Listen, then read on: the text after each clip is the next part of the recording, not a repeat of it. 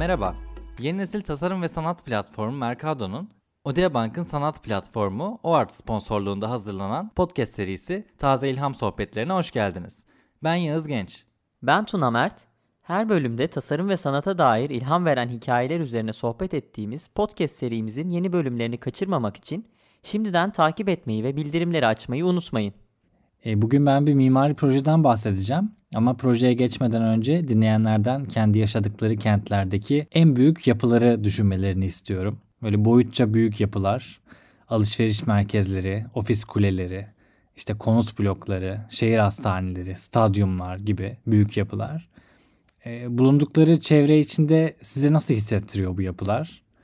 Özellikle büyük şehirlerde bu yapılar çoğunlukla bize kendimizi küçük, bazen sıkışmış hissettirebiliyor çünkü. Bazen üzerimize üzerimize geliyor değil mi? Özellikle maalesef yaşadığımız bu büyük depremden sonra bende bu yapılar gittikçe daha fazla bu hisleri uyandırmaya başladı. Tam da bundan dolayı anlatacağım projeyi ilk gördüğümde oldukça hoşuma gitti ve bana umut verdi açıkçası. Bir stadyum tasarımından bahsedeceğim. 700 bin metrekarelik taban alanıyla devasa bir yapı olan bu stadyum tasarlanırken yapının kent içinde bu az önce bahsettiğim hisleri uyandırmaması önceliklendirilmiş. Hatta tam aksine bu stadyum kompleksinin kent içinde bir boşluk ve kentliler için bir özgürlük alanı yaratması hedeflenmiş. E bunun içinde çok büyük bir kısmı arazinin altına gömülmüş yapının ve yapı bu sayede dünyanın toprak altında en fazla alanı olan yapısı ünvanına kazanmış. Stadyum kompleksi diye bahsettim ancak e, biraz betimlemekte fayda var sanıyorum. Çünkü farklı bir proje dediğim gibi. Projenin olduğu alana baktığınızda büyük yeşil bir arazi görüyorsunuz. Çimle kaplı çeşitli tepeler var, yürüyüş yolları var. Bunlar alanın büyük bir kısmını oluşturuyorlar. Kompleksin e, çok büyük bir kısmı bu yeşil tepelerin ve arazinin altında gizlenmiş vaziyette. Doğal öğeler haricinde gördüğünüz tek yapısal eleman aslında stadyumun e, o da organik bir forma sahip olan çelik çatısı. Tribünler, servis alanları, sporcuların kullandığı mekanlar, operasyonel hacimler gibi pek çok alana tepelerin bazı yerlerindeki açıklıklardan geçerek giriyorsunuz. Ve arazinin altına girdiğinizde ise gerçekten devasa bir yapı var orada. Ve dışarıdan da belli olmuyor. Bundan dolayı girildiğinde bence şaşırtıcı bir etki yaratıyor.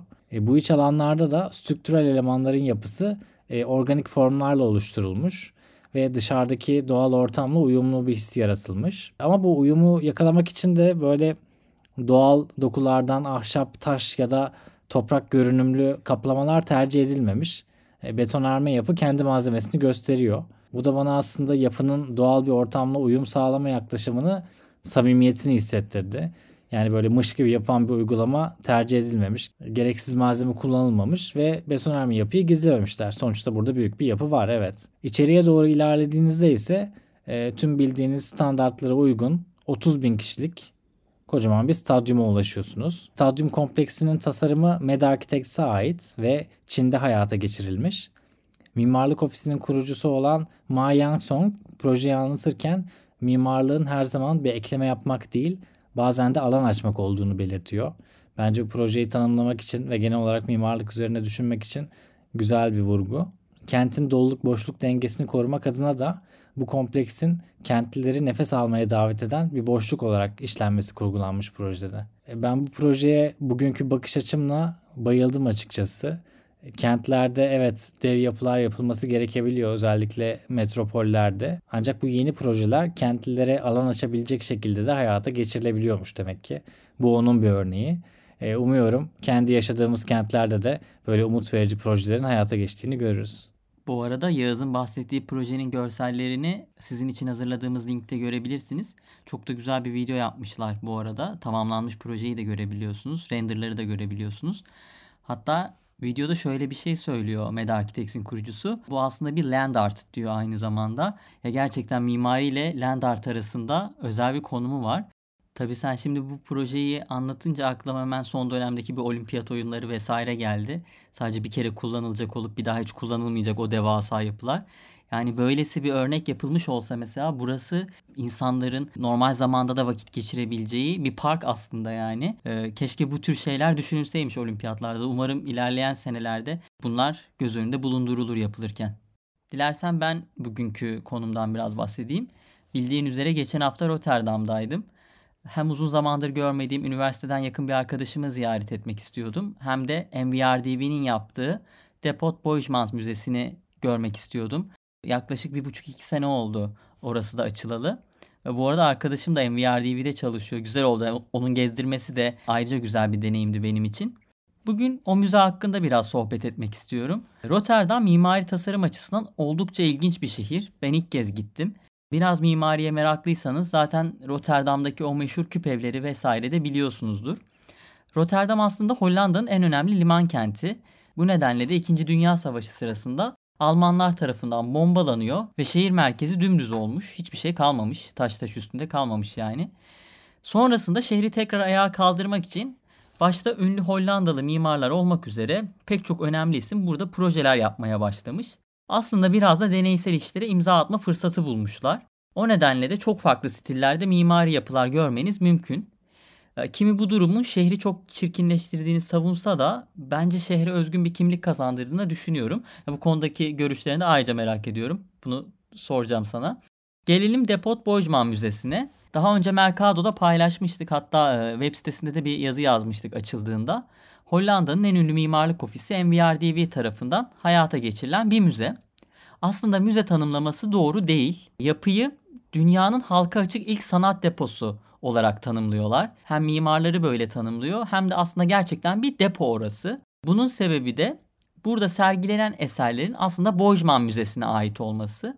Biraz kafalar karışmış olabilir. Şöyle söyleyeyim. Rotterdam'da bir Bojman Müzesi var. Tam adı da Bojmans van Beuningen Müzesi. Bu müzenin de 173 yıllık çok önemli bir koleksiyonu var. MVRDV'nin yaptığı bu Depot Bojmans ise bu müzenin dev koleksiyonu için bir depo alanı. Ancak bu depo bir müze gibi herkese açık ve ziyaret edilebiliyor. Oldukça ilginç. Zaten gittiğinizde sergileme sisteminin de daha önce gittiğiniz hiçbir müzedeki gibi olmadığını görüyorsunuz. 5 farklı iklimlendirmeye sahip 14 büyük saklama odasının olduğu bir mekan burası ve 150 binden fazla eseri barındırıyor. Aynı zamanda bu eserlerin restorasyon işlemlerinin gerçekleştirildiği ve büyükçe stüdyolar var ve burada pek çok restoratör ve bilim insanı çalışıyor. Ya siz ziyaret ettiğinizde cam vitrinlerinin ardında bu çalışmaları da izleyebiliyorsunuz. Ya burada amaç bir koleksiyonun korunması ve yönetilmesine yönelik tüm o faaliyetleri ve süreçleri ilgilenen herkese deneyimletmek. Koleksiyonun sergileme yönteminin yanı sıra binanın kendisi de dikkat çekici. Bugün e, iki tane aslında mimari proje üzerine konuşuyor gibiyiz. Dev ölçekli olmasa da büyük ölçekli bir mimari proje. Yapı 39,5 metre yüksekliğinde böyle çanak benzeri bir form gibi düşünebilirsiniz. Ancak cephesi ayna işlevi gören yansıtıcı panellerle kaplı. Ya bu şekilde yapı çevresindeki insanları, peyzajı, bulutları hatta Rotterdam'ın o dinamik şehir süliyetini tamamen yansıtıyor. Ya bir anda çevresiyle alışık olmadığımız bir ilişki kurarken Diğer yandan da manzarayla bütünleşiyor. Ben etkilendim açıkçası ki hem yağmurlu bir günde hem de güneşli bir günde deneyimleme fırsatı buldum. İkisinin de etkisi farklı oluyor. Ama şehrin süliyetine de önemli bir e, katkısı olmuş yapının. Bu arada ilginç bir gözlemimden de bahsedeyim. Bu yansıtıcı yüzeyin bir bölgesinde yansıtmayan blurlu bir alan var. Böyle bulutsu bir form var. Merak ettim ve sordum. O bölgenin tam karşısında bir akıl hastanesi varmış ve hastaların yansımadan kaynaklanacak ışıktan rahatsız olmaması için orası özel olarak tasarlanmış. Ve bunu da yaparken aslında yapı hayata geçirilmeden önce bu yansıtıcı yüzeyi kent içindeki etkisini simüle etmişler ve tasarımı da buna göre aslında güncellemişler. Ya bu bilgiden oldukça etkilendim. Yapının tasarımı, koleksiyonu sergileme biçimi, genel olarak yarattığı deneyim bence eşsiz. Farklı bir deneyim gerçekten. Bunu da bugün sizlerle paylaşmak istedim. Bence sadece Rotterdam'a Depot Bojman'ı görmek için bile gidilir. Ee, oldukça böyle ilham dolu döndüm açıkçası Rotterdam'dan. Paylaşımların da çok güzel görünüyordu zaten. Bence de gidilir gibi hissettim. Hele ki ikinci gün böyle birazcık daha havanın güzel olduğundaki paylaşımlarda çok çekici geldi. Ben aslında sen gitmeden önce bu yapıyı zaten görmüştüm, takip etmiştim birazcık mimari olarak projesini. Ama uzaktan bakınca hani depo konseptli bir e, müze olarak görünüyor. E, halbuki tam tersi bence. Yani müze konsepti bir depo burası. Depo olarak bakmak gerekiyor. Çünkü öbür türlü bakıldığında gerçekten sanat deneyimi e, tartışılabilir bir tarafta. Yani yine tartışılabilir tabii ki ama eserlerin sergilenişi olarak e, bambaşka bir versiyon var ve bu e, eserleri çok fazla aslında yüceltmeyen bir versiyon. Ama burası bir depo aslında gün sonunda o şekilde baktığımızda çok daha mantıklı olabiliyor, anlaşılır olabiliyor. Bu deneyimi yerinde yaşamak isterim. Yani ne kadar bunu sözlü olarak biliyor olsak da e, bir binaya müze gibi girip eserleri görmek için sonrasında depo olduğunu bilsem de ters gelecektir diye düşünüyorum. Yani Rotterdam'ı ben daha önceden ziyaret etmiştim. O zaman e, bu müze yoktu. Daha inşa edilmemişti. Ama e, bu dediğin gerçekten savaş sonrası sıfırdan şehir yapılması yani insanlar eleştirebilir tabii. Şimdi e, sıfırdan bir düşününce sen anlatırken farklı mimari denemelerin yapıldığı bir şehir hani estetik olarak nasıl bir seviyede olur? Tırnak içinde insanların dediği gibi hani çirkin bir şehir haline mi döner? Bu olabilir tabii ki ama e, daha şu an yaşadığımız yerden bakınca aslında biraz korkutucu. Bunun böyle bir genel şehir planlaması e, önceliklendirilerek aslında planlandığını düşünürsek o şekilde bir yaklaşımla hiç korkutucu değil çok da böyle merak uyandırıcı, deneysel ve ilham verici bir kent ortaya çıkarabilir bence. Ki Rotterdam'da bunun güzel bir örneği bence. Hani çok büyük olmasa da bu anlamda şaşırtıcı ve kendi cazibesini yaratan bir şehir. Rotterdam'a gitmeden önce benim tabii ön yargılarım vardı biraz açık söyleyeyim. Çünkü okuduğum ya da duyduğum şeyler hep ya çok çirkin şehir vesaire gibi şeyler vardı.